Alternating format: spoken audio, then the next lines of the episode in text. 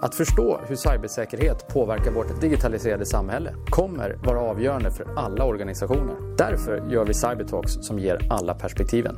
Jag heter Rolf Rosenvinge. Välkommen! I dagens avsnitt träffar Rolf Thomas Nilsson, Försvarsmaktens CEO. Thomas är ansvarig för vårt svenska cyberförsvar och tillsammans samtalar de om vilka uppgifter som ska lösas och hur det går med själva uppbyggnaden. Hej och välkomna till ett nytt avsnitt av Cybertalks. Eh, idag har vi ett lite speciellt avsnitt, för mig i alla fall. Eh, har förmånen att få hälsa Thomas Nilsson som också är Försvarsmaktens CIO. Välkommen! Tack så mycket och tack för inbjudan och trevligt att vara här. Du, det här är ju ett avsnitt som jag har velat göra länge eh, av flera olika skäl. Dels för att vi ska prata om vårt cyberförsvar som jag tror att många är nyfikna på. Eh, men också för att det är ju ett litet roligt tillfälle för mig som faktiskt har en bakgrund i Försvarsmakten att få återknyta kontakten. Så att, eh, jag ser fram emot samtalet. Ehm, men för lyssnarnas skull kanske också först en intro till dig. Ehm, kan du berätta kort om dig själv, din roll idag och också kanske lite grann varifrån ditt intresse för cyber kom? Mm. Eh, jag har min bakgrund i flygvapnet. Jag är flygvapenofficer, eh, närmare bestämt eh, strilofficer med inriktning på flygstridsledning. Jag brukar säga att i vissa avseenden är jag en produkt av det kalla kriget. Jag tog min officersexamen 1984 och påbörjade min tjänstgöring i, i flygvapen, en av flygvapnets strilbataljoner.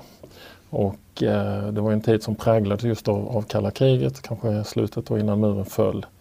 Eh, det hette ju radarjaktledare då som jag själv tycker är en väldigt fin benämning men idag kallas det då flygstridsledare, den befattning jag började i.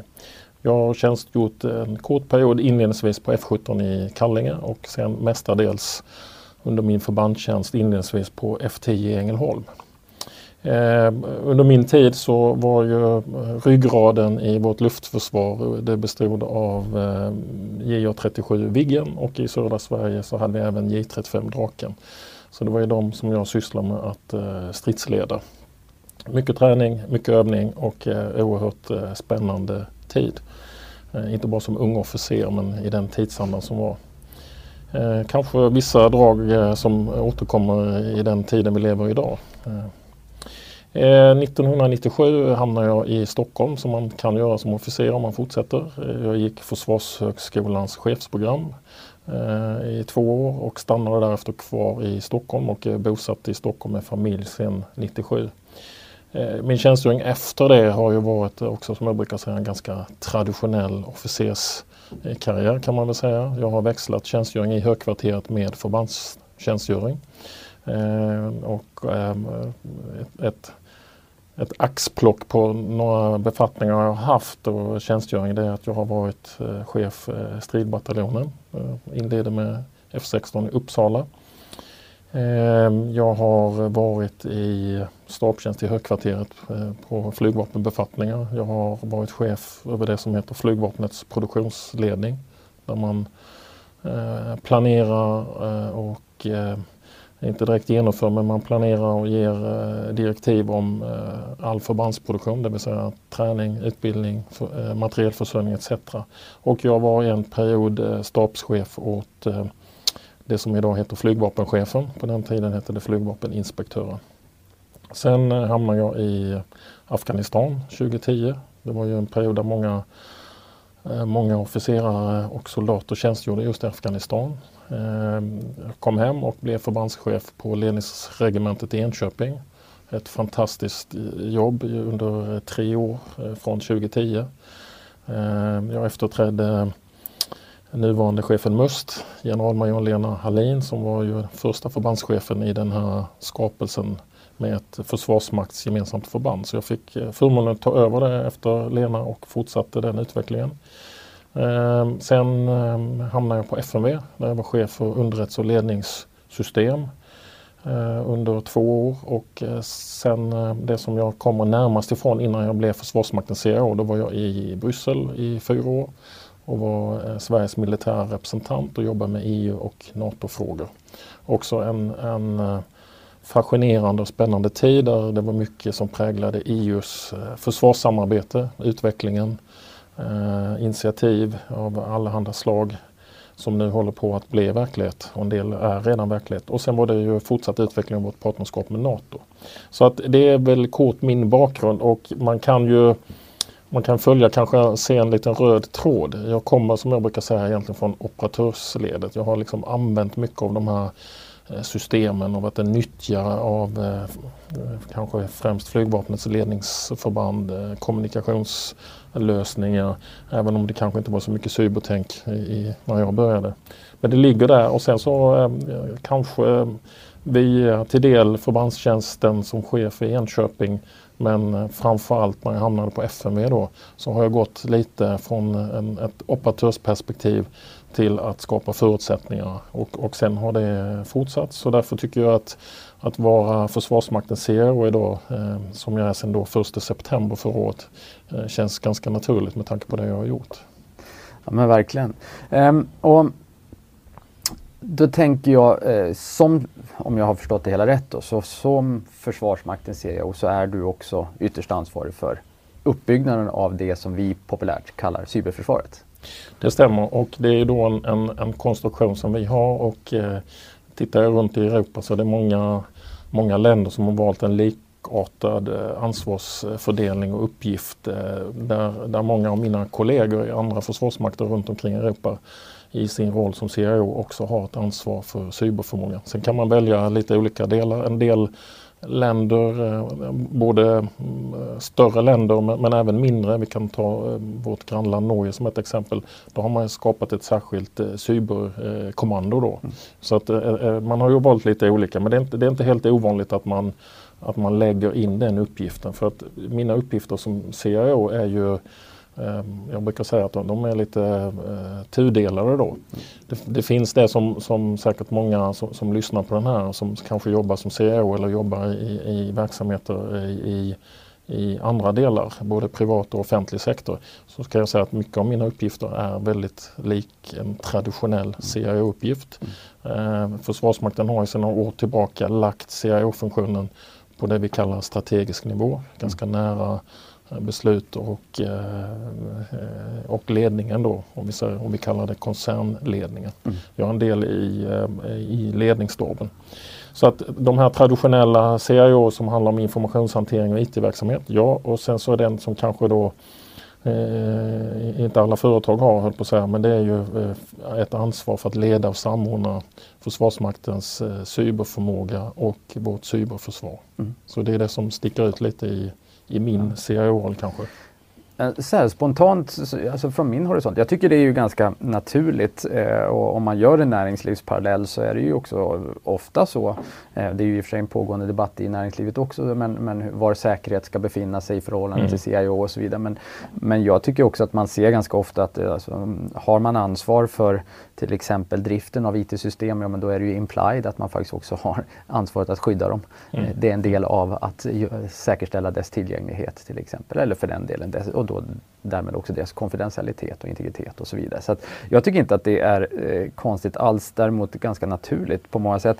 Men när man då pratar cyberförsvar så tror jag också att det finns jag tror att det finns ett behov av att prata lite grann om vad, vad menar vi när, när vi säger cyberförsvar och, och för det första kanske liksom vad, vad är arena? Man brukar prata om cyberdomänen. Och nästa fråga är såklart vad är det då som egentligen ska försvaras? Mm. Eh, så vad är Försvarsmaktens uppgift? Vad är det, vi, vad är det du och, mm. och så att säga, din organisation egentligen ska försvara? Vad, mm. Hur ser det uppdraget ut? Nej, men, eh, eh, det uppdraget eh, ska man ju sätta i en, i en, större kontext. Det finns ett större sammanhang som går tillbaks till Försvarsmaktens uppgift och det är ju naturligtvis ett nationellt försvar. Idag är det mycket kopplat till det försvarsbeslutet som, som, som riksdagen tog här i, i, december som vi nu har påbörjat genomförandet och kommer att vara med oss de kommande fem åren.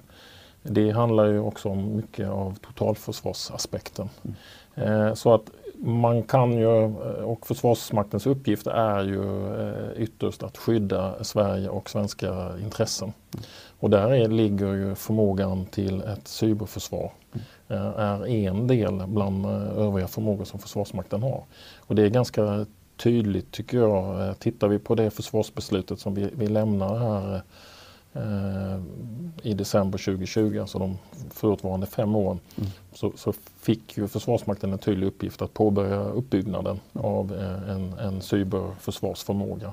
Och det har vi gjort och, och nu, nu följer då regering och riksdag upp det med jag skulle säga, ännu tydligare uppgift. Men man ska sätta det i den kontexten att, att vad, vad försvaret kan göra och vad vi har vår uppgift. Mm. Och det innebär ju att Ehm, det vi också dimensionerar oss för, precis som alla övriga delar i vår förmåga, det, det är en del i den uppgiften vi har fått eh, från statsmakterna. Det är ju att vi ska ju vara dimensionerade för de mest kvalificerade motståndarna i eh, alla, eh, kan man säga, en hot konfliktskala som är från det vi kanske idag kallar fredstid upp till det väpnade angreppet. Och det, det, är den vi ska ha förmågan. Så att, Eh, vi kan naturligtvis eh, användas, en aspekt som du är inne på som är naturlig, det är naturligtvis att vi eh, ska ha förmåga att skydda våra egna system och egen information. Och det kan man väl säga att det, det, har väl de flesta som har någon form av en säkerhetsorganisation så det, det kanske inte sticker ut. Men vi kan ju också med våra resurser precis som vi kan göra med Försvarsmaktens övriga förmågor. vi kan skydda inom ramen för att försvara Sverige och svenska intressen Eh, till exempel eh, eh, samhällskritisk infrastruktur. Man kan tänka sig en, en, en, mängd olika områden men idag så diskuterar vi mycket och jag tror att det finns en, ett uppvaknande, en ökad medvetenhet och också hos medborgarna i Sverige där man ser vad hotet kan vara. Och Eh, våra kritiska sårbarheter eh, som vi har i ett modernt samhälle, digitalisering etc. Så där kan vi naturligtvis spela en, en, en roll. För det här tror jag en det här tror jag är en jätteviktig diskussion och också några viktiga distinktioner att göra. Och, och här tror jag att, och det är väl också en av anledningarna till att jag tyckte det var spännande att få prata med er idag. Att, eh, jag hör ju nämligen lite olika uppfattningar, liksom, om man säger ute på, på stan och när man diskuterar. Att, eh, och, och, jag tycker det är bra som du lyfter fram att er uppgift är inte bara att skydda Försvarsmaktens egna operationer eller system. Det är, det är bredare än så. Eh, sen är jag intresserad av att, så att säga, hur du ser på det. Var är det bortom för Försvarsmaktens egna operationer och system är det kritisk infrastruktur eller är det i förlängningen faktiskt hela samhället? Men är kanske distinktionen på andra axeln just det som du nämnde i förbigående mot de mest kvalificerade motståndarna. Mm. Mm. Att det är snarare det som är så att säga, det dimensionerande men att räckvidden kanske i förlängningen ska kunna vara hela samhället. Mm. Nej, men jag tror att eh, då får man också inte, inte glömma bort vad eh, är eh, Försvarsmaktens uppdrag men också mandatet och, och, och vilket regelverk har vi att förhålla oss till. Och eh, det finns ett, ett, ett, regelverk, ibland kan man kalla dem eh, krigets lagar, men det finns, liksom, det finns eh, folkrätten och det, det, finns ju faktiskt eh, uppstyrt hur man kan använda eh, eh väpnade eh, eh resurser, förmågor. Mm. Eh, sen tror jag också många känner till och det är något som naturligtvis vi följer med intresse. Det finns ganska mycket diskussion runt omkring i världen hur man ska se på det här området. Det finns de som vill reglera det mer. Eh, det finns initiativ, kan, kan FN göra då som sitter på en del. Men jag skulle säga att tittar vi på eh, mandatet för att använda de här förmågorna så är det ju i grunden det som hela Försvarsmakten har. Om man tittar. Så på så sätt skiljer det inte något. Sen eh, skulle jag nog säga att vad är det man försvarar? Jag tycker ju att hela totalförsvars Eh, konceptet nu som, som regering och riksdag väldigt tydligt lyfter fram i det eh, totalförsvarsbeslut som det faktiskt är. Och, och eh, det, det, är olika utredningar som pekar. Jag tror att man ska också se den här förmågan i att samhället kommer att behöva att öka sin motståndskraft mm. i, i den eh, hotbild som vi, vi, vi kanske ser idag och, och som vi kan Eh, förutse framöver. Mm. Då tror jag att det, det, kommer att vara samhällets samlade resurser. Och, och eh, jag tycker inte man ska utesluta något vad samhället behöver. Man brukar ju faktiskt prata om att eh, det finns eh, kanske olika definitioner på vad är ett cyberförsvar. Men jag skulle nog säga, och in, inte bara jag, flera med mig, det är ju samhällets samlade förmågor och åtgärder som man kan använda. Mm. Det tror jag kommer komma helt, jag tror att Inom ramen för totalförsvaret eh, så kommer vi att diskutera mycket mer eh, privata sektorn, näringslivets möjligheter, eh, stöd men, men också en del i att skydda svenska intressen men naturligtvis att vi kan leva och ha vårt samhälle som vi själva har bestämt att vi vill ha det. Och, och i det så, så, så ligger alla aspekter. Mm. Så jag tycker det kan man göra. Sen finns det ett regelverk eh, som vi har att förhålla oss till. Eh, och jag tror att det kanske också blir en, en utveckling. Man kommer att titta på det där. Sen kan man vara olika Ehm, optimistisk, realistisk eller pessimistisk vad är förutsättningar för att, att stater kan komma överens eh, i att sätta nya regelverk och annat. Men, men, vi har ett regelverk idag så att eh, mm. det är det vi förhåller oss till.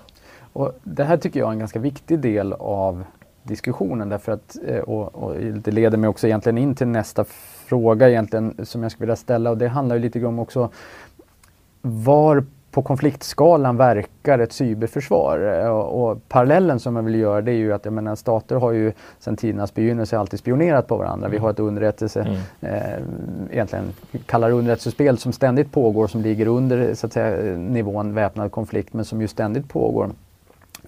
Utmaningen som jag ser lite grann när man liksom Precis som du säger, vi har historiska regelverk som egentligen, min bild, tar sikte på mer traditionella fysiska kinetiska mm. konflikter. Man skjuter robotar på varandra, man, man skjuter ner flygplan eller man, man eh, och så vidare. Man skjuter sjömålsrobotar eller vad det nu må vara. Eh, men i cyberdomänen så har vi ju en möjlighet som nation och andra nationer har att, att agera egentligen relativt dolt. Och hur, hur så att säga, är det det som pågår idag, är det en fråga för cyberförsvaret eller är det en del av någonting annat? Nej, vi är ju nat naturligtvis eh, involverade på det sättet att vi följer vad som händer. Eh, vi eh, skyddar våra system. Vi vidtar de åtgärder som är nödvändiga. Jag tycker att det du tar upp är ju eh, intressant och jag tror det kommer att eh, krävas mer eh, funderingar och, och tänk och eh, skulle jag säga väldigt breda diskussioner. Hur, hur ser vi på, på hotet? Va? För att det är ju en, en viktig del eh, att vi identifierar vad hotet är. Eh, och, och, hotet kanske då ser lite annorlunda ut idag än vad det gjorde eh, under, eh, om vi nu går tillbaks till kalla kriget, när jag började. Då var det väldigt mycket det som du är inne på, klassiska väpnade angrepp, eh, ett hot om invasion. Vi förberedde oss. Vi gjorde, vi, vi, det var ganska tydligt när Försvarsmaktens ja, roll startade. Och vi hade ju en, en lagstiftning eh, med beredskapslagstiftningar och vi, vi, vi har liksom punkter som slog om när man skulle följa någon form av kanske en, en, en konflikttrappa man kallar det det. Mm. Så vi hade förberett och, och jag tycker ibland det är fascinerande när man tar del av hur hur, hur, ehm, hur, stora förberedelser och eh, genomtänkt det var i hela samhället. Vi, vi, tänker på inte bara den militära delen men också det gamla totalförsvaret. Ehm, det som är nytt nu är, är ju att, att, hotet ser, eh, ser lite annorlunda ut som du pekar på. Och, och eh, vi har ju också sett att ehm, statsaktörer men även andra aktörer är ju aktiva i cyberdomänen redan idag av olika skäl. Det är allt om kriminalitet, till underrättelseinhämtning, eh, till eh, eh, där cyberdomänen också kan vara ett medel, i påverkansoperationer. Det finns mer. Men, och ett begrepp man ofta pratar om i det här det är ju hybridkrigföring. Och, och vi använder också uttrycket icke-linjär krigföring. Och det skulle man ju utan tvekan kunna säga att det finns ju Eh, sådana aktiviteter redan idag. Eh, jag, jag, tror och, och vi, vi, vi, vi befinner oss i, i det vi normalt sett kallar fredstid. Så tror jag de flesta ser på det där. Men, men, vi har, vi har konflikter, det händer saker hela tiden. Inte minst i cyberdomänen kopplat till hybrid. Och där tycker jag det är intressant att, att, att fundera över eh, det faktum att cyberdomänen och en, en, en, möjligheten till att genomföra cyberangrepp innebär ju att du kan ju redan föra en konflikt beroende på hur din plan ser ut.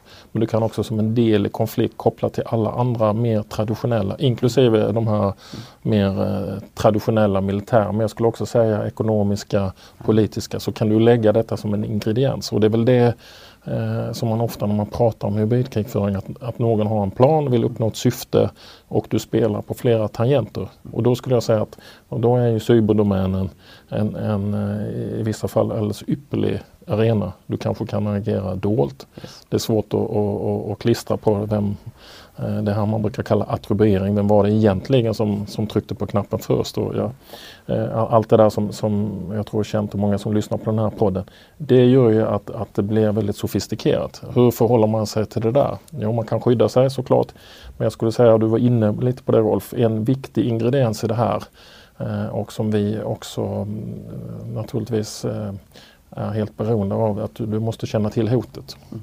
Så att en, en, en underrättelsetjänst som faktiskt kan känna av vad är, vad är, vad är cyberhotet och, och, hur ska vi förhålla oss till det? Vilka förberedelser måste vi göra? Vilken förmåga måste vi ha?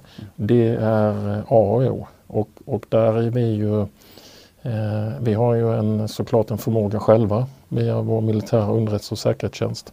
Men eh, vi har också ett bra stöd i övriga eh, underrättelsemyndigheter. Va?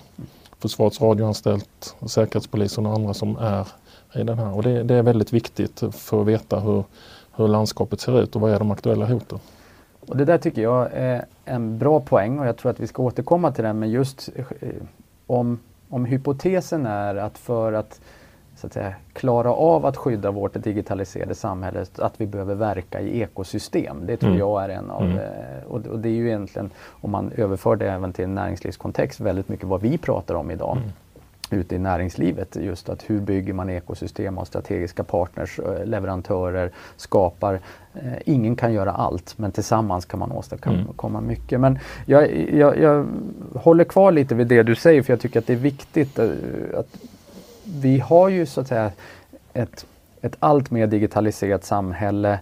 Eh, vi har de här dimensionerna som du pratar om kopplat till cyberförsvar om vad, och vad som händer redan idag. Jag, menar, jag tror att Microsoft bara har varit ute cirka tio gånger senaste året och, och så att säga flaggat att de är utsatta för nation states eh, på, på, olika sätt. Vi hade eh, vattenförsörjning i Florida som var påverkat av en hotaktör eh, som lyckligtvis lyckades stoppas innan, innan någon större liksom, impact på befolkningen och så vidare.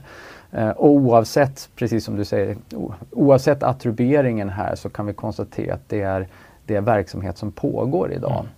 Mm. Um, hur, ska, hur ska AB Sverige förhålla sig till det idag? Har, mm. vi, har vi både handlingsberedskapen och förståelsen? Har vi beslutsmekanismerna på plats för att kunna agera tillräckligt snabbt om till exempel vattenförsörjning faktiskt i Stockholm skulle vara påverkad? Mm. Hur, eller har vi, har vi även saker, både liksom en förmågedel men också mm. en förberedelsedel? Mm.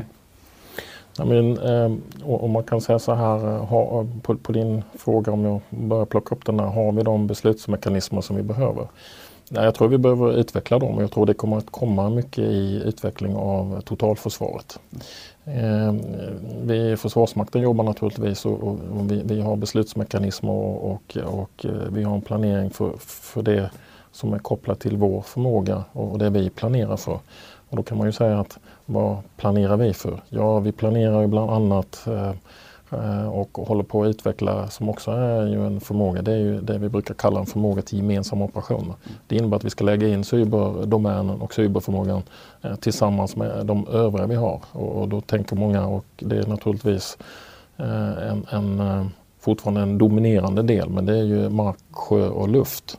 Men det gäller liksom att hitta det här och, och, och vi, vi, identifierar ju ytterligare en intressant domän och det är rymddomänen. Där det händer väldigt mycket nu. Men det gäller att hitta och, och det gör vi utifrån vår uppgift att, att försvara Sverige och den eh, planering vi behöver. Eh, jag skulle nog eh, säga att eh, något annat vi behöver det, det är det som jag brukar kalla att vi, vi behöver sätta ett, ett eh, tankesätt som faktiskt går ända ut till eh, enskild medborgare i Sverige, individ. Det är det jag kallar ett säkerhetstänk. Jag tror att de flesta har ett säkerhetstänk om man, man funderar på hur man vill skydda sin egendom. Man, man har kanske larm på sin, sin fastighet, man har, det, det, och man har extra lås och allting. Men, men nu är det liksom informationen. Det kan vara din privata information som ska användas mot dig, i kriminella syften. eller något annat. Men det kan också vara företag och, och myndigheter som har information som, som är viktig av, av, flera skäl. Det gäller att sätta en sån kultur och, och där tror jag att vi där det jag eh, lyssnar av mycket och följer vad som händer i samhället så, så har vi påbörjat den resan. Men, men, man kan diskutera hur mycket vi har kvar. Jag har nog uppfattningen att vi har en hel del kvar. För det, det handlar, vi, vi går inte mot en, en, en fast punkt. För det utvecklas runt omkring oss hela tiden så vi måste följa med. Det tror jag vi behöver göra. och vad menar jag med att sätta en kultur? Jo, men det, det handlar om att vi, vi måste ha ett säkerhetstänk hur vi sätter upp våra system. Och, och du var inne på eh, det, som är en styrka i i, i, mitt uppdrag och uppgiften i Försvarsmakten det är att, att jag har en roll både hur vi sätter upp våra IT-system, hur, hur vi hanterar vår information eh, och en cyberförmåga. Det innebär att vi nyttjar naturligtvis den kompetensen vi har för att bygga eh, vårt eget skydd och våra system på bästa sätt. Men jag skulle säga att den kanske en av de mer eh, viktigare viktiga faktorerna skulle jag nog säga det, det, är medvetenheten och utbildning och kunskap eh, hos personal om vi pratar företag och organisationer men också hos enskilda med, eh, medborgare. Den, tror jag, den, den, har vi påbörjat, den kommer att behöva mer. Men jag tror det finns en allmän känsla med tanke på, eh, du var inne på medierapportering, eh, saker som händer runt omkring oss. Eh, vi har sett hur statsaktörer kanske använder de här förmågorna. Vi vill ju inte dämpa vår utveckling när det gäller digitalisering och, och eh, fortsätta på den resan. Men vi måste balansera det med säkerheten, robustheten och det som har blivit väldigt tydligt. Man skulle kunna lägga på pandemin som pekar på vissa saker du måste fundera på. Allt det eh, tror jag eh, vi behöver ta in. Och då kommer ju eh, Eh, naturligtvis eh, utbildning men, men, också vad vi gör på forskningsområdet, teknikutveckling. Då, då måste det här vara en naturlig del. Eh, och, och jag eh, tittar ju mycket på det som ledde upp till det försvarsbeslutet vi har, eller totalförsvarsbeslutet, det är ju försvarsberedningen då som skrev eh, två rapporter. Men en av de där fokuserar mycket på det, den motståndskraft som samhället behöver. Och det, där, där ser jag detta som en väldigt viktig del. Och det är lite det som du pratar om Rolf, ekosystemet. Ja, jag, det är i alla fall min take. Jag, jag tror väldigt mycket på, på att bygga ekosystem om man vill åstadkomma robusthet eller resiliens i ett digitaliserat samhälle. Ingen kan göra allt men många kan bidra med, med mycket. Och en, en, så en, en, konkret reflektion av det tänket är väl på sätt och vis också det nationella cybersäkerhetscenter som, som vi nu får. Mm. Mm. Eh, som ju är väl lite grann eh, där Försvarsmakten, FRA, polisen, MSB med flera är med och chippar in så att säga att, eh, kompetenser och så ska det här bli något och jag, som konkret och som, som, vi, som ju faktiskt tänker jag, kommer ha en oerhört viktig förmåga mm. i att bygga så att säga, bredare samhällets motståndskraft mm. och hjälpa till och öppna dörrar, skapa förutsättningar för att komma ut med bra riktlinjer och best practice och så mm. vidare. Hur långt har vi kommit där och vad är mm. Försvarsmaktens bidrag till vårt mm. nya nationella centrum? Men vi, vi, har kommit en bit och, och eh, tittar man så eh, regeringen fattar sitt eh, beslut om att inrätta det här nationella cybersäkerhetscentret i slutet på förra året. Mm. Så vi är i full gång. Det är Försvarsmakten, det är FRA, det är MSB och, och Säpo som är de fyra myndigheterna som har lead. Så gemensamt så, så utvecklar vi den här. Eh, och eh, väldigt konkret så Försvarsmaktens bidrag eh, och, och, i Försvarsmakten så, så, är det jag i min roll och chefen Must som har ett ansvar. Så vi, vi är nu och eh, eh, rekryterar personal mot det här. Vi kommer inledningsvis att gå mot ett tiotal eh, personer. Det kommer att vara IT-säkerhetsspecialister, det kommer att vara omvärldsanalytiker och annat. För att det centrat, Eh, och det är regeringen väldigt tydlig i uppdraget, då, det är att man vill ha det som du eh, pekar på. Man vill ha ett, ett systematiskt arbete som kan stödja hela samhället. Alltså både offentlig och, och privat sida, hur man kan jobba. Eh, och jag brukar kalla det att det är ju att höja lite tröskeln mot hotet och, och, och, och de som vill oss illa via cyberdomänen. Så att, eh, man kan också i, i, dessa tider så kan man dra en parallell. Eh, jag skulle kunna säga, använda metaforen, det handlar om att vaccinera samhället lite för att kunna stå emot det här. Så det är en del i, i, i det du pekar på som jag tror är väldigt viktigt. Eh, så att eh, vi, de här myndigheterna kommer att eh, ha ett samordnat agerande. Eh, vi kommer att dela information, vi kommer att överföra kunskaper. Vi har ju lite olika vad ska vi säga, roller i det här som är kopplat till våra normala myndighetsroller. Eh, och det kommer vi ju fortfarande ha. Vi kommer utgå från våra respektive roller och, och våra mandat men vi kommer dela det här. Och då tror jag att det kommer bli eh, tydliga och stora synergier i hur vi kan göra det. Och det är en kunskap som vi ska dels eh, vaccinera eh, övriga samhället, öka vår robusthet. Men, men om jag tittar utifrån Försvarsmaktens perspektiv så kommer vi också koppla till vår egen cyberförmåga, utveckling av det och vårt cyberförsvar ha har glädje av att, att, kunna ta del av övriga myndigheters eh, eh, information och kunskaper även i denna arena. Så det där det där tror jag mycket på och det kommer att bli en oerhört viktig investering i det vi pratade om. Hur, hur ökar vi så att säga resiliensen eller robustheten, motståndskraften i samhället? Mm. Jag, jag tror ju det. Och jag är ju glad alltså medborgare att du ser det på det sättet också. För att jag tror ju att vi har ganska mycket att göra. Det tror jag alla västliga demokratier har. Ehm, och, och jag tror att det här kan vara ett väldigt bra sätt att börja skapa det här ekosystemet och också det som jag tycker är implied med det är ju också ett kanske på sätt och vis också ett erkännande av att väldigt mycket av det vi ska skydda är faktiskt någonting som finns i näringslivet. Alltså väldigt mycket av vår samhällskritiska verksamhet är idag näringslivet. Mm. Det, vi har näringslivsaktörer som ansvarar för telekommunikationer, för livsmedelsförsörjning, för vattenförsörjning, för eh, el och så vidare. och så vidare. Vi kan räkna upp alla, alla så att säga, eh, de olika dimensionerna där.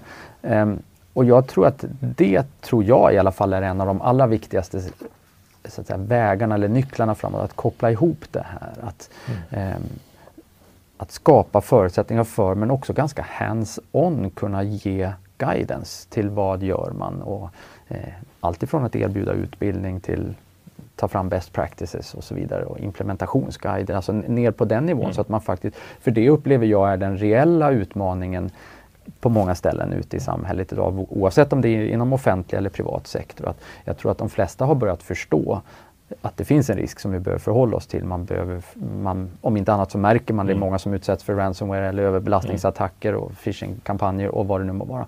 Men just att känna att det finns ett stöd att få. Att, mm. Så hur gör vi? Mm. Jag, jag, tror att vi behöver flytta diskussionen mycket mera till så vad gör mm. vi och hur gör vi och i vilken ordning gör vi det? Mm. Och Sen behöver vi eh, vara fortsatt trygga med att det finns aktörer som fortsätter att följa hotutvecklingen. Men, men, vi behöver fokusera som samhälle mer på att faktiskt göra, tror jag.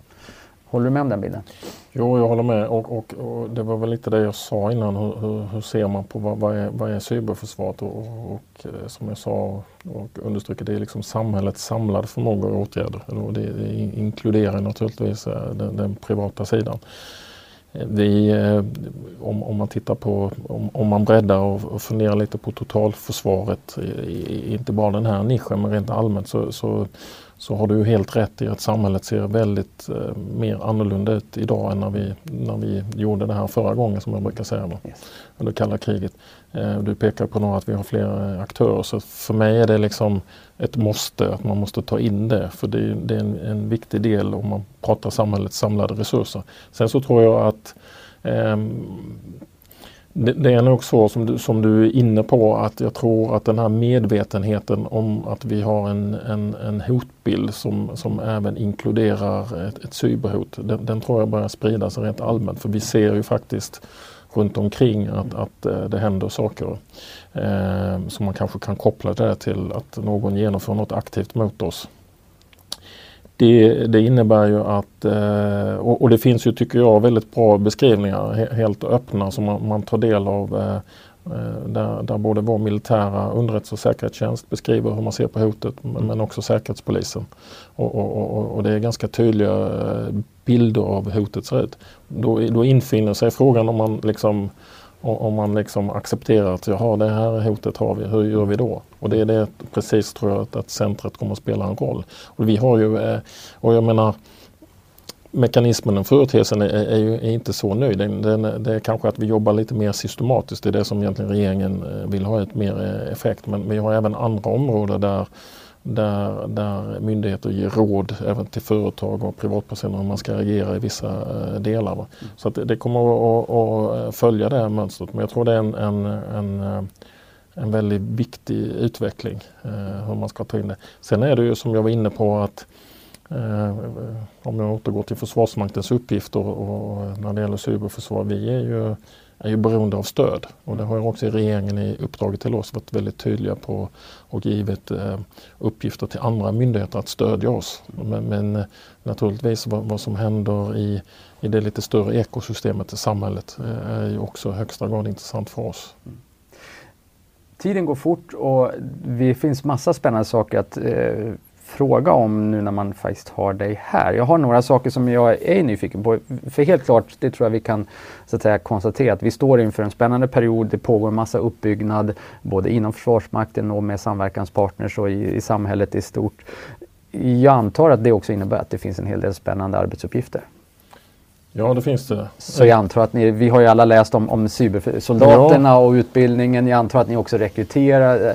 Om man nu, om man nu gillar cyber, och det gör ju många som lyssnar här, mm. men, och, och, kanske har ett gott öga till Försvarsmakten också. För, mm. Finns det spännande saker att göra och se? Ja, det finns uh, massor av spännande saker. Det finns massor av, av uh, arbete och, och utmaningar som vi måste hantera framöver. Och, och för att lösa dem så brukar jag säga att uh, en väldigt grundläggande sak vi behöver det är kvalificerad personal. Vi behöver kompetens, eh, kunskap och eh, vi behöver följa med den här utvecklingen vi pratade om innan. Eh, det är också tydligt att vi är ju i en fas där, där regeringen i försvarsbeslutet tydligt pekade ut att Försvarsmakten bör utveckla sin cyberförsvarsförmåga. Mm. Och då, då pratar vi om att vi ska öka vår kapacitet men vi ska också öka uthålligheten. Och då innebär det att vi behöver bli lite större. Mm. Eh, så att eh, eh, vi har ju en uppgift att komma från eh, nästa år sätta upp ett andra IT-försvarsförband mm. som, som är, är en kugge i det här. Det innebär att vi eh, behöver mer personal. Vi behöver eh, civil personal. Vi har anställt och eh, kommer att behöva anställa eh, ganska mycket civila specialister i olika roller. Det tror jag många av, av, av, av de som lyssnar här kan, kan liksom fundera på vad är det för specialister man behöver. Men, men det, det, är liksom eh, cybersäkerhet och cyberförsvarskompetens. Sen eh, eftersom det är just en militär cyberförsvarsförmåga, det är i militära förband, eh, så behöver vi även eh, mer militär personal. Eh, cybersoldaterna är, är ju någonting som vi har eh, försökt eh, beskriva och som pågår med vår första pilot pilotutbildning i, på ledningsregementet i Enköping. 28 eh, tjejer och killar som påbörjade sin utbildning förra sommaren och är klara här nu till sommaren. Så de har kommit eh, ganska långt eh, i det här. Oerhört spännande. Jag träffade dem själv för några veckor sedan. Helt fantastiskt att ta del av det engagemanget, den kunskapen. Men jag skulle också säga det, det som, som gjorde mig väldigt glad att få se. Det var ju att vi har ju tagit en, en som jag skulle kalla en modern soldatutbildning, cybersoldater då med, med vad de innehåller i sin befattning. Men vi, vi har liksom använt vårt, vårt, vårt gamla beprövade värnpliktsutbildningssystem. Alltifrån uttaget, de har en särskild urval så att vi vi, vi, vi känner att de kan tillgodogöra sig utbildningen och, och det här. Men, men, men, de är i, i grunden värnpliktiga och de kommer vi att krigsplacera i våra förband. Eh, olika typer av förband. Det kommer att öka vår, eh, inte minst vår uthållighet. Eh, vi går vidare och eh, vi håller nu på att titta och näst, kommande sommar här så, så ökar vi antalet och eh, om två år så är vi uppe i att vi årligen ska utbilda 60 soldater. Så det, det, är en ganska fantastisk resa vi stoppar in. Men, men eh, soldater i all ära, vi behöver lite officers kompetens så att vi planerar att påbörja officersutbildning också från nästa år. Vi planerar för fullt nu.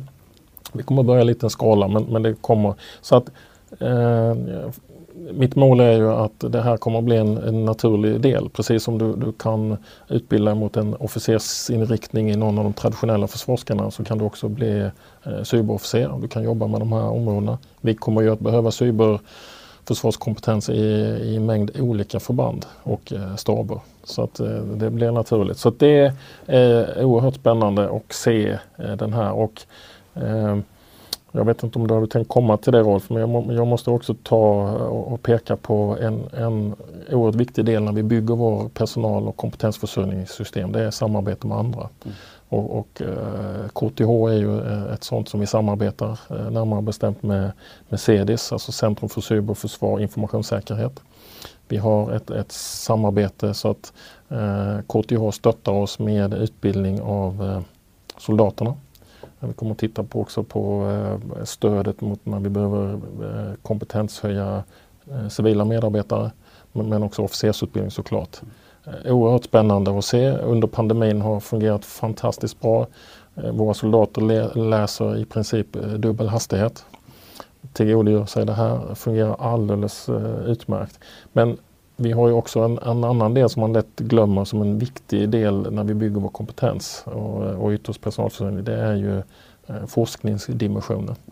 Där samarbetar vi ju traditionellt med Försvarets forskningsinstitut, FOI, men, men vi har också inom ramen med vårt samarbete med KTH, så det finns ett antal doktorandtjänster nu på KTH som har bärighet mot det här, där, där vi har ett stort intresse. Så att vi är oerhört nöjda med det samarbetet och nu är det fler eh, andra myndigheter som, som också funderar på väg in i, i det här samarbetet som vi startade upp med KTH. Roligt tycker jag och eh, ett väldigt konkret exempel på ekosystemtänket som vi mm. återkommer till flera gånger under samtalet här.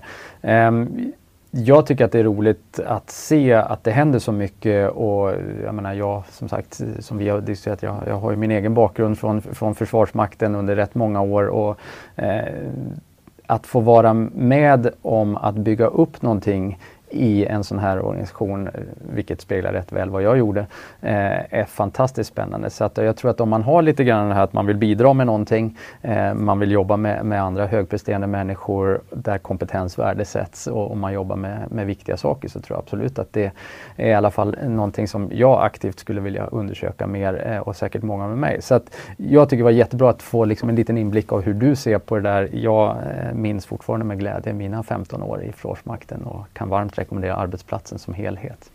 Men du kanske inte ska ge upp Rolf, för att vi, jag, jag, nämnde inte det, men vi har ju en eh, så du menar att jag faller inte ens för åldersstrecket? Alltså? Nej, vi, vi, vet, det får vi väl kolla upp i särskild ordning på säga. Men, nej, men vi brukar inte titta på det där. Det är mer, mer vad man kan leverera. Nej, men vi har eh, en, en, eh, ett tänk kring reservofficerare också. Mm. För, för reservofficerssystemet, för, för de som kanske har varit eller känner till Försvarsmakten, så har ju det varit en en, en viktig kugge i att bygga uthållighet. När vi mm. behöver öka eh, fler förband, eh, vi kanske eh, behöver kalla in och vi behöver mobilisera. All, allt det där, då, då kommer reservofficersdimensionen. Jag skulle säga att den, den, är extra intressant i det här. Mm. För eh, precis som en del andra professioner, jag brukar ta ett exempel, det är eh, läkare och övrig medicinsk personal. De har, kan inte Försvarsmakten själv eh, så att säga hålla, hålla uppe professionen och, och den förmågan. Så det innebär ju att många av dem är naturligtvis jobbar i, i vår vanliga vård och eh, omsorg och sen de är krigsplacerade hos oss, en hel del reservofficerare.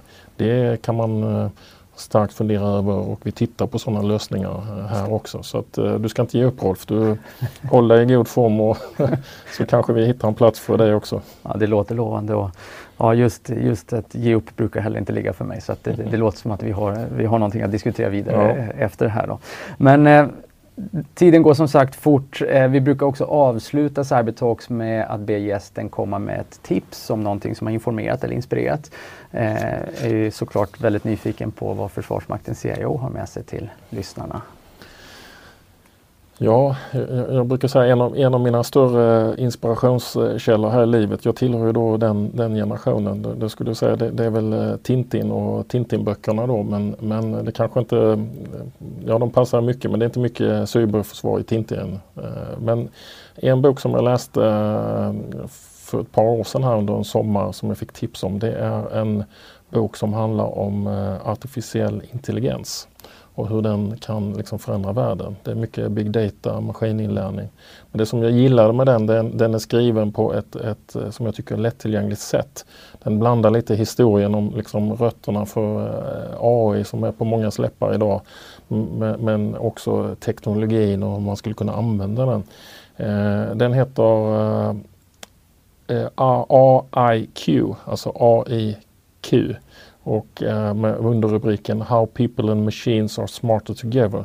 Och det är skriven av två, två stycken eh, författare, eh, Nick Paulson och James Scott och den kom ut 2018. Och den, den, den kan man hitta på, på nätet och köpa och ladda ner om man vill och säkert i någon någon bokhandel också. Men den skulle jag starkt rekommendera. Den, den, för mig var den mycket tankeväckande. Eh, den gav liksom både lite den här, man pratar AI ibland så kan man ju ibland förfäras då när man, vad, vad kan man göra med AI? Mm. Men, men, den här tror jag plockar ner ganska bra och, och eh, inser både de fördelar man kan ha men, men eh, en del saker man bör fundera och kanske att inte AI den där magiska lösningen på många av våra utmaningar bara för att klistra på den etiketten. Så den skulle jag varmt rekommendera. Spännande och ett eh, bra tips tycker jag. Ehm, med det är vi, tror jag, faktiskt klara och eh, Thomas Nilsson, Försvarsmaktens CEO, tack för att du ville vara med idag här på Cybertalks. Tack för att du fick komma. Och till alla lyssnare, until next time. Podden är ett samarbete mellan Cyber Insights och Orange Cyber Defense och spelas in och klipps på Media.